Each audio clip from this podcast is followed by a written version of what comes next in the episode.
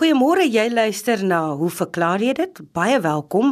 Ons gaste vandag, ek stel jou graag voor aan die ekoloog Dave Peppler, die herpetoloog Lefras Mouton en die paleontoloog Yuri van den Heever. Ons eerste vraag is 'n vraag wat Dave ontvang het van Morney van Durbanville, Morney Fourie, en hy vra die volgende: Ek was bevoorreg genoeg om Amerika te gaan besoek. Ek is gewoond vlieg, maar nog nooit so ver nie.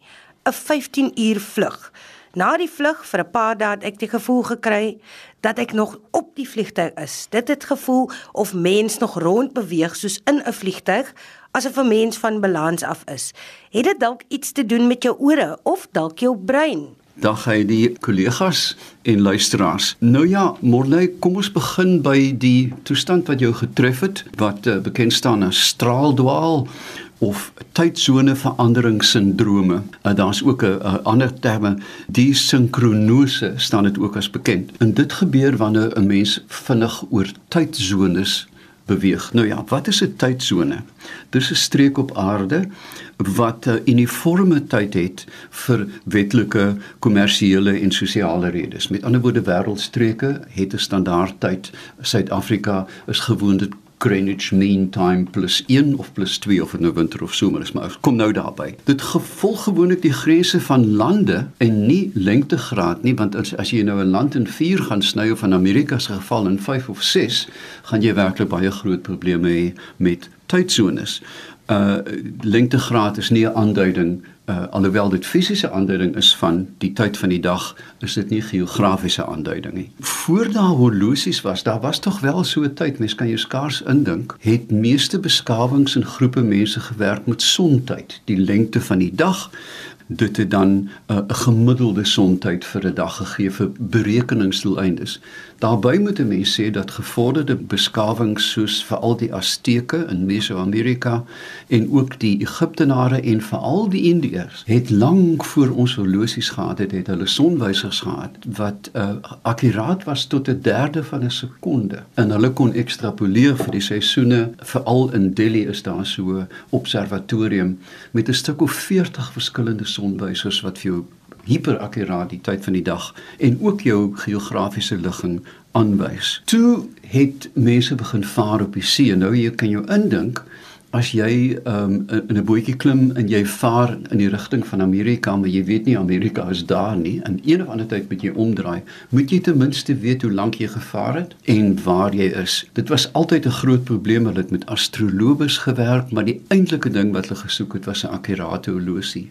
En daar het die Engelse uh, horlosiemaker Harrison by Greenwich begin deur massiewe horlosies te maak. Goed lyk soos 'n groot yskas, die eerste model, die tweede model en toe die derde model tel akkuraat tot omtrent 2 sekondes 'n maand wat in jou hand kon pas. En toe kon hulle begin vaar en weet waar hulle is. Nou Greenwich in um, op die Thames buite Londen is in 1657 gestig as die amptelike tydbepaler van die aarde en dit is waar die meridiaan op 0 grade deurloop. Daar's 'n pragtige bronsstaaf en almal staan natuurlik buitespeen daaroor vir fotos en sogenaamde selfies.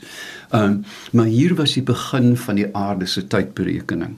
Knap daarna met die industriële revolusie het treine begin probleme gehad tussen byvoorbeeld Londen en 'n stad soos Bristol. Londen op sontyd is 10 minute voor Bristol en daarom moes hulle akkurate horlosies selfs op die treine plaas want mense het verward geraak en sê die trein sal 10 oor 12 op Bristol kom, dan kom hy eintlik 20 oor 12 daaraan as gevolg van die verskil in lengtegraad.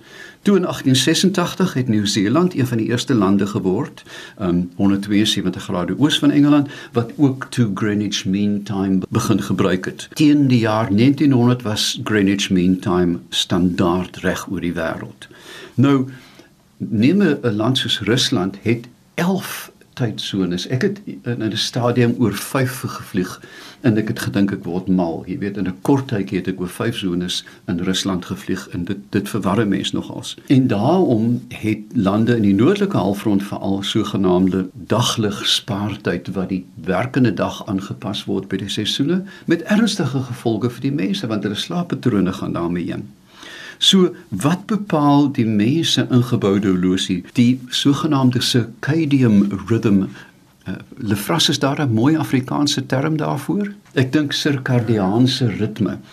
Met ander woorde, byna elke dier op aarde, insluitend die primitiewe diere, het 'n ingeboude horlosie. Ehm um, wat vir jou sê, dis tyd om wakker te word of is tyd om te gaan slaap. En hierdie siklusse werk so tussen 24 en 25 uur. Alhoewel dit self onderhoudend is, is daar by die Duitsers noem Zeitgebers, die lig en temperatuur wat hierdie ritme kan aanpas. Soos ek sê byna by alle diere is daar patrone in in slaappatrone kerntemperatuur wat wissel tussen dag en nag met 'n hele klomp hormone wat hier op die spel kom. En dit speel natuurlik uit in wat bekend staan as fotoperiodisme. Nou 'n baie goeie voorbeeld van fotoperiodisme is 'n baie interessante plant in die fynbos met die naam van Bobartia. Nou Bobartia het al sy blare verloor, hy het net stingels en dan kan jy langsom gaan sit met jou horlosie en die middag 4 uur gaan daai blom oop en half 6 gaan hy toe. Dit is dit. Gemeet die plant meet daglengte en besluit wanneer die optimale tyd vir sy bestuiver is om te vlieg. Nou gebeur dit dat 'n mens byvoorbeeld uh van sê nou maar Kaapstad of Johannesburg vlieg in 'n westelike rigting. Wat eintlik gebeur is dat jou dag word net langer want jy jy vlieg nou saam met die dag as jou vliegtuig vinnig genoeg is Concorde in die ou dae kon dit baie goed doen net saam met die son gevlieg. Inteendeel, Concorde het vroeër geland in New York as wat hy opgestyg het in Londen. As jy dit nou in reële tyd wou doen. Maar mens sien dit in plante wat hulle blare opvou in die nag. Ons weet van akasias en die sogenaamde sensitiewe plante wat jy aan die blaartjie raak, hy toe gaan maar in die nag slaap bobo ook hulle maak hulle blare toe. Maar nou as jy begin oos vlieg, vlieg jy direk in die moeilikheid in. Want nou vlieg jy eintlik teen die dag in en dan kan jou liggaam regtig begin les op sê. Net terloops vir die wat in oostelike rigting of enige rigting vlieg, twee van die goed wat jy nie moet doen op 'n vliegtuig nie, is alkohol en kafeïne. Dit uh, versterk die uitloop van straaldwaal aanmerklik. Nou, wat is die simptome? Jy raak moeg. Uh, jy wil of slaap of jy kan nie slaap nie. Jy kry hoofpynne, selfs lae vlak depressie. Mense verval in 'n depressie as gevolg van hierdie verwarring van die liggaam. Ehm um, gebrek aan aptyt, lighoofdigheid, ehm um, en 'n omgekrapte maag. Nou vra mense jou af, wat kan jy doen om dit teen te werk? Nou ek vlieg meer as wat ek moet met 'n koolstof voetspoor hoër as Tafelberg, so ek ken al die kure. Die eerste een is wees fiks voor jy vlieg. Maak seker dat jy vir 'n week lank draf, stap of ten minste fiks bly. Oefen op die vliegtuig. Nie almal kan plat lê in die duurklasse nie. So staan op, loop rond, moenie ander mense pla nie. En veral belangrik is wanneer jy opstyg, stel jou horlosie dan al op die landtyd sodat jy jouself nie heeltyd herinner dat ag my hemel is nog 8 uur ek nog wakker wees nie. Dit is nou skielik 10 uur, ek moet gaan slaap of ek nou wil of nie. Maar dan kan 'n mens dit ook aanhelp um, met melatonien. Melatonien is 'n slaaphormoon wat gewoonlik so 'n halfuur voor 'n voorslaap afgeskei word en en jou dan vaak maak. So wat ek doen, 2 dae voor ek ernstig oosvlieg, begin ek melatonien wat vrylik bekombaar is. Jy kan dit by die apteek oor die oor die toonbank koop om melatonien te drink met my slaaptyd waar ek gaan van my bestemming. En dan uh, ruk dit jou 'n bietjie, maar ten minste word die liggaam gepuls dan met die regte slaaptyd. En dan meer belangrik as enigiets anders met die land moenie gaan slaap nie die eerste ding wat jy moet doen is soveel as sonlig as moontlik op jou vel kry want dan word die horlosie baie vinniger herstel. Um so met 'n kombinasie van fiksheid, uithou vermoë om die eerste dag nie te slaap nie, blootstelling aan son en melatonien kan jy binne 'n dag ontslaa raak van hierdie ernstige gevolge. Uh en in terme van sonblootstelling is dit baie belangrik dat dit maak nie eintlik saak waar die son op jou skyn nie. Jy kan maar in, of in jou bikini lê of net jou broekspyp lig laat dit agter jou knie skyn. Dit maak regtig nie saak en dis bewys met um terapie in die noorde vir 'n uh, behandeling van bedruktheid in lang winters. Dit maak eintlik nie saak waar die son val nie, solank jy sonlig kry. So uh Morney, ek hoop jou um vraag is effens uitgelig en ek hoop ek het 'n paar handige wenke gegee. Ons sê dankie aan Dave Peppler vir daardie handige wenke.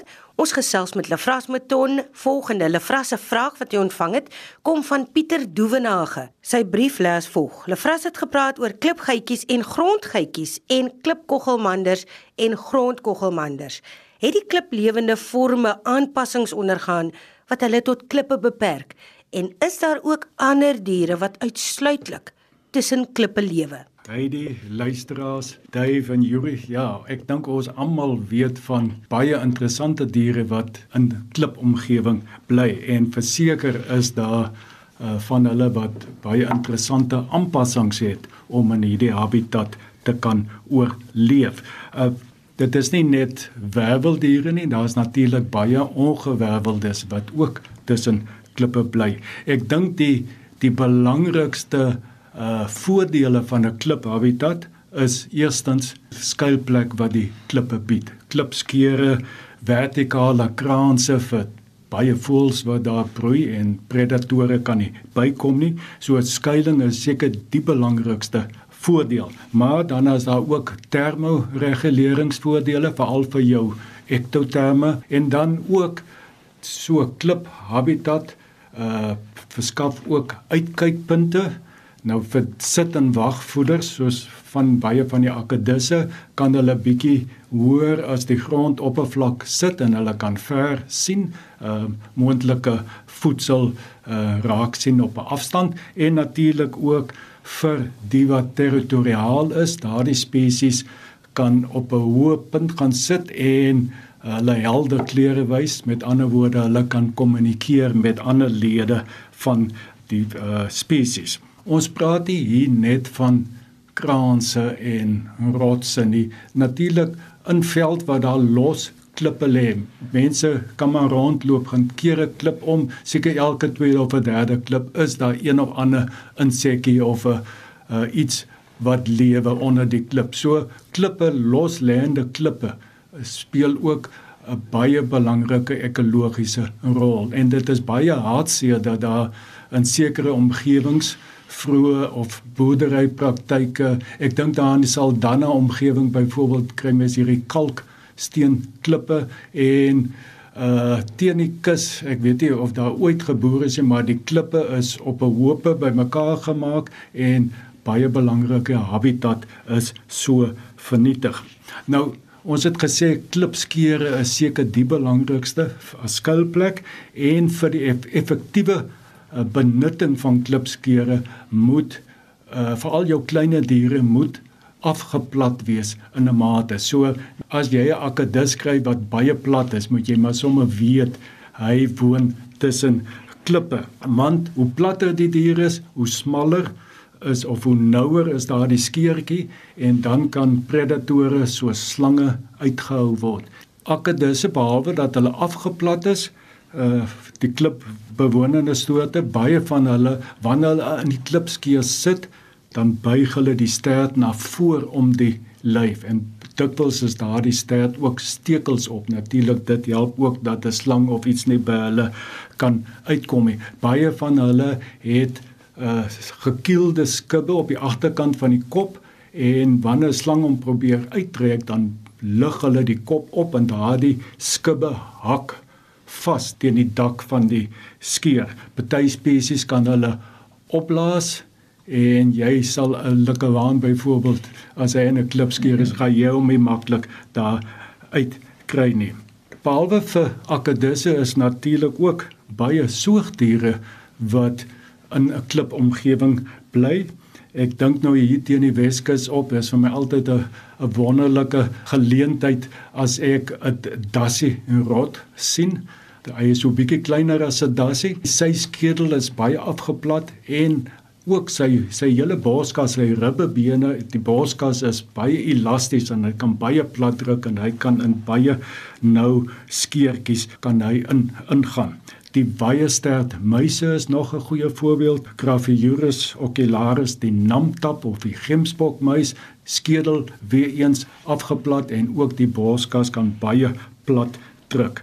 Ek dink nou terwyl ons nou van van soogdiere praat, Uh dit hierdie afplatting sien ons net by jou klein diertjies. As ek het nog nie 'n plat dassie gesien byvoorbeeld. So dit is by klein diere wanneer diere nou redelik groot is soos 'n dassie byvoorbeeld, dan is die aantal predatore soos slange is nie is nie belangrike predatore nie. Dis nog meer groot voëls en wanneer hulle buite is wat hulle vang. So by hulle, hulle kan in groot skere ingaan. Natuurlik as daar skerpioene, ek het nou al baie baie in die veld akkedisse gesoek en dit is vir my altyd daardie plat skerpioene wat mense in klipskere kry. Hulle is werklik plat plat. Daar's ook 'n spinnekop, maar hulle is net so plat. Hulle gaan ook aan die smalste skere in. Ek wil ook iets sê oor die luiperd, veral in die Kaap. Dit is waar die luiperd is nou nie laat hy in 'n klipskeer inkruip nie, maar wanneer die wyfie nou wanneer dit tyd is om geboorte te gee aan die kleintjies, dan sal sy so 'n skuilplek uh baie dikwels tussen rotse in 'n soort van 'n tonnel tussen die en rotse ingaan en dit is waar die kleintjies dan uh gebore word. Die kleintjies is blind by geboorte en vir hele tydjie sal dit vat voor hulle dan nou eindelik uh, kan rond beweeg. So vir die luiperd is klip klippe belangrik. Ek is ook altyd verstom as ek na klipspringers kyk, die behendigheid van klipspringers uh, in in so 'n rotsomgewing. En ek die luisteraars moet tog wanneer op internet of iewers gaan kyk bietjie na 'n foto van 'n klipspringer en dan kyk jy hoe lyk sy hoewe dit lyk werklik soos soos 'n vroumense hoek skoentjies. Dit is sulke lang dun hoefies en natuurlik wanneer hy van klip tot klip spring, gaan daardie hoewe uh dit is die die gewig, die drukking op daai klein punte is nou baie groter as wat hy groot plat hoewe sou gehad het en hulle is dus aangepas by uitstek vir 'n rotsomgewing. Hulle het min kompetisie daar met ander bokke hierso ook hier teen die Weskus is daar die ou uh, Homopus signatus padlopers skilpaadjies. O, hulle kan baie diep onder uh, rotse inkruip en, en dit is baie moeilik om hulle daar uit te kry. Vleermuise natuurlik baie van hulle wat in uh, in 'n rotsomgewing bly. So net om op te som, kliplewende Akkedisse is gewoonlik afgeplat, hulle het korter liggame, effens verlengde liggame en hulle is ook dikwels gepantser, met ander woorde stekels op. Nou nie almal nie, maar baie van hulle grondlewende akkedisse daarteenoor het meer buisvormige liggame. Bene is gewoonlik nie so lank nie.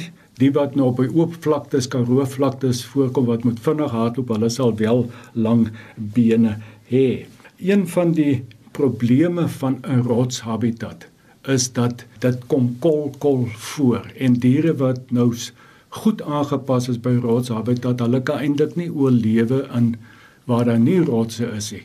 En nou as daar klimaatsverandering is veral op die vlaktes, dan het hulle 'n probleem en daardie populasietjies of subpopulasietjies sal dan baie maklik uitsterf terwyl jou grondlewende forme kan nou maar soos die klimaat verander kan dit saam beweeg en daar's nie daardie selfde probleem nie. In berge is dit natuurlik nou nie 'n probleem nie want die die diere kan net op en af meer boontoe beweeg of meer onder toe beweeg soos die klimaat verander. Ja, so Pieter, ek hoop ons het so min of meer jou vrae beantwoord. Daar's baie baie diere wat in rotse bly en baie van hulle het baie definitief aanpassings tot daardie habitat. Die frasie laat my dink uh, van die uh, ander rotsbewoners is natuurlik die mens, die vroeë mens, die san het het rotsskeure en grotte uitgesoek. Bobbejane doen dit vandag nog. Hulle slaap in holkraanse so. En dan ehm um, net laasens een van die funksies dink ek ook van 'n of 'n voordeel van 'n onderklip bewoner is dat jy brande natuurlik so kan ontsnap. Dat 'n brand gaan eenvoudig boor jou woning jy ken hierdie grasslangetjies en wanneer daar vuur kom dan vlug hulle voor die vuur uit nou hulle kan nie baie ver vlug nie dan brand hulle dood ons het eksperimente gedoen met 'n brand en dan sit ons klippe neer en kyk of hulle want dit is die logiese die meeste diere wanneer daar brand is klein diertjies gaan in gate in of onder klippe. Nee, hulle nie. Ek weet nie om watter rede nie, maar ja, in brande is dit baie belangrik. Baie dankie Lefras. Yuri van den Heever is volgende. Yuri van den Heever het 'n brief ontvang van ene David Miller. Hy skryf: "Beste Yuri, die American Psychiatric Association beskou pedofilie nie as 'n seksuele oriëntasie nie, maar as 'n verstoring of disorder. Stem die biologie saam dat pedofilie nie as 'n seksuele oriëntasie soos homoseksualiteit beskou kan word nie?" Goeiemôre Heidi, goeiemôre almal. Ehm uh, dit is 'n baie tydige navraag hierdie omdat pedofilie juis nou in die nuus is en ek kan as volg vir jou daarop antwoord. Nou die uh, mense wat die navorsing hieroor doen sê dat pedofilie is 'n psigiatriese afwyking waar 'n volwasse of 'n ouer adolescent 'n primêre of 'n eksklusiewe aangetrokkenheid vir kinders het wat nog nie geslagsryp is nie. Nou as mens praat van 'n ouer adolescent, dan verwys dit na die feit dat uh, adolessensie gewoonlik in 3 dele verdeel word. Vroeë adolessensie wat min of meer strek van 10 tot 14 jaar, middeladolessensie wat ongeveer strek van 15 tot 17 jaar en dan laat adolessensie van 18 tot 20. So 'n ouer adolescent is iemand seker hier so van 16 tot 20 jaar en dan word daar bygevoeg dat eh uh, pedofilie word ook beskryf dat as dit bestaan eh uh, is dit ongeag of die persoon daaraan uitvoering gee of nie. Eh uh, dis die verder beskrywing sê dat 'n persoon moet dan ook ten minste 16 jaar oud wees en hy moet ook ten minste 5 jaar ouer wees as die kind wat nog nie geslagsryp is, met ander woorde in 'n voor uh puberteitstadium is voordat so 'n aangetrokkenheid as pedofilie gediagnoseer kan word. So dit is daar's baie uh, besliste beskrywing van hoe dit werk.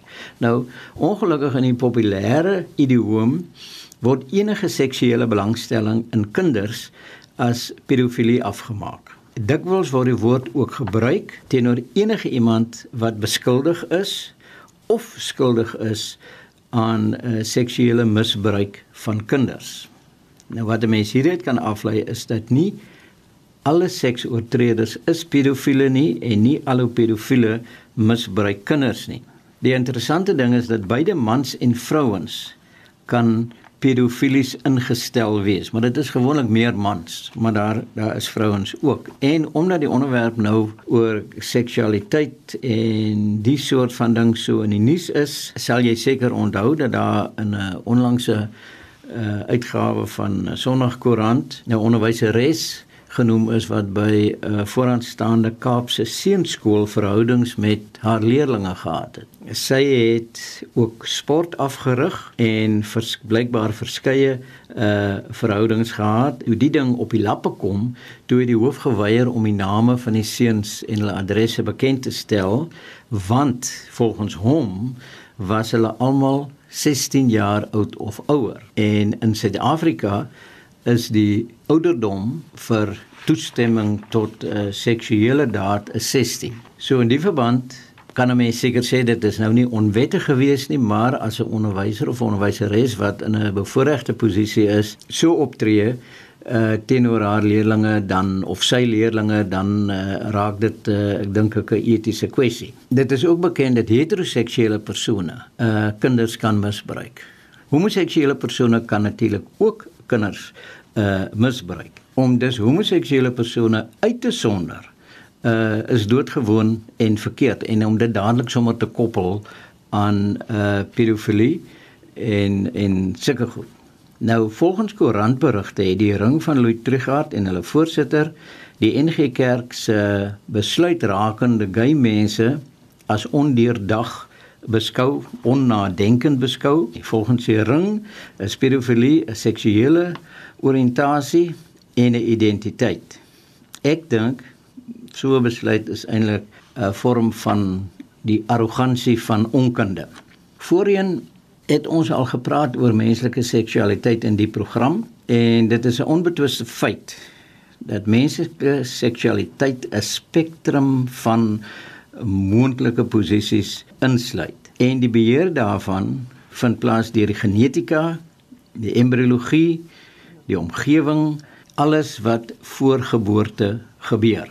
En die probleem wat ons nou het met uitsprake wat uh vanuit die kerk gemaak word is dat daar is nie instruksies in die Bybel oor hoe daar met die spektrum van menslike seksualiteit omgegaan behoort te word nie. Uh dis doodgewoon nie daar nie.